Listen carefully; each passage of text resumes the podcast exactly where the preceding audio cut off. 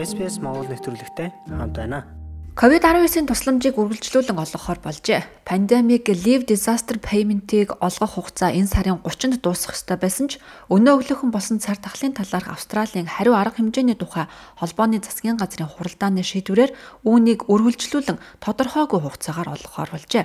Ингэж сунгахдаа олгох тусламжийн хэмжээнд ямар нэгэн өөрчлөлт оруулаагүй байна. Австралийн ерөнхий сайд Энтони Албанес хэлэхдээ бүх муж нутаг дэвсгэрт тусгаарлах хугацааг заавал дагаж мөрдөх хэвээрээ байгаа учраас COVID-19 энэхүү тусламжийг олгосон хэвээр байх болно гэсэн юм а. Хэрвээ хүмүүс ковидаар эсвэл бусад эрүүл мэндийн асуудлаас шалтгаалan өвчтөй байгаа бол ажил дээрээ очиж болохгүй. Энэ нь маш чухал гэсэн байр суурь хэвээрээ байна хэмээн ерөнхий сайд мэдгдсэн юм а нийт гарах зардлыг 50-50% буюу холбооны засгийн газар болон тухайн муж нутаг дэвсгэрийн засгийн газар гаргах өмнөх тохиролцоог үргэлжлүүлэхээр болжээ. Цар тахал ихэснээс хойш гамшигын үеийн тусламжийн төлбөрт 2.2 тэрбум гаруй долларыг зарцуулж хад байна.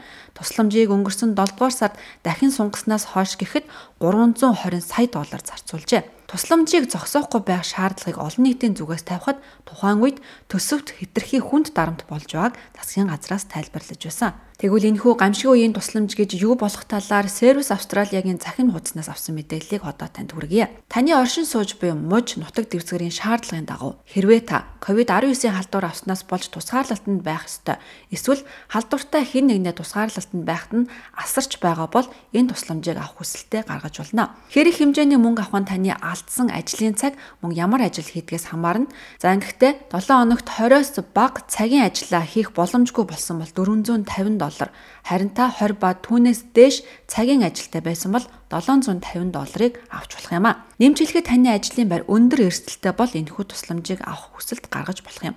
Хэрвээ та өндөр эрсдэлтэй ажлын байранд ажилдаггүй бөгөөд тусгаарлах 5 хоногийн хугацаанд ажиллах боломжгүй байсан ч тодорхой хэмжээний тусламж авч болно. Тодорхойлбол хэрв та дор хаяж 8 цаг эсвэл бүтэн өдрийн ажлаа 20 цагаас бага хугацаагаар алдсан бол 450 доллар, харин 20 ба түүнээс дээш цаг алдсан бол 540 доллар авах хүсэлт гаргаж болох юм байна. Харин ковидтай хүнийг асран халамжилж байгаа хүний хувьд 5-аас 7 хоног тусгаарлалтанд хамтдаа орж болно.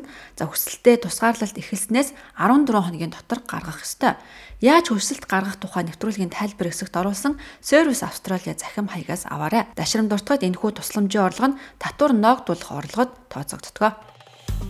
SPS Монгол хэлээр бидний нэвтрүүлгийг Facebook сошиал хуудасаар бусдаа хуваалцаарай.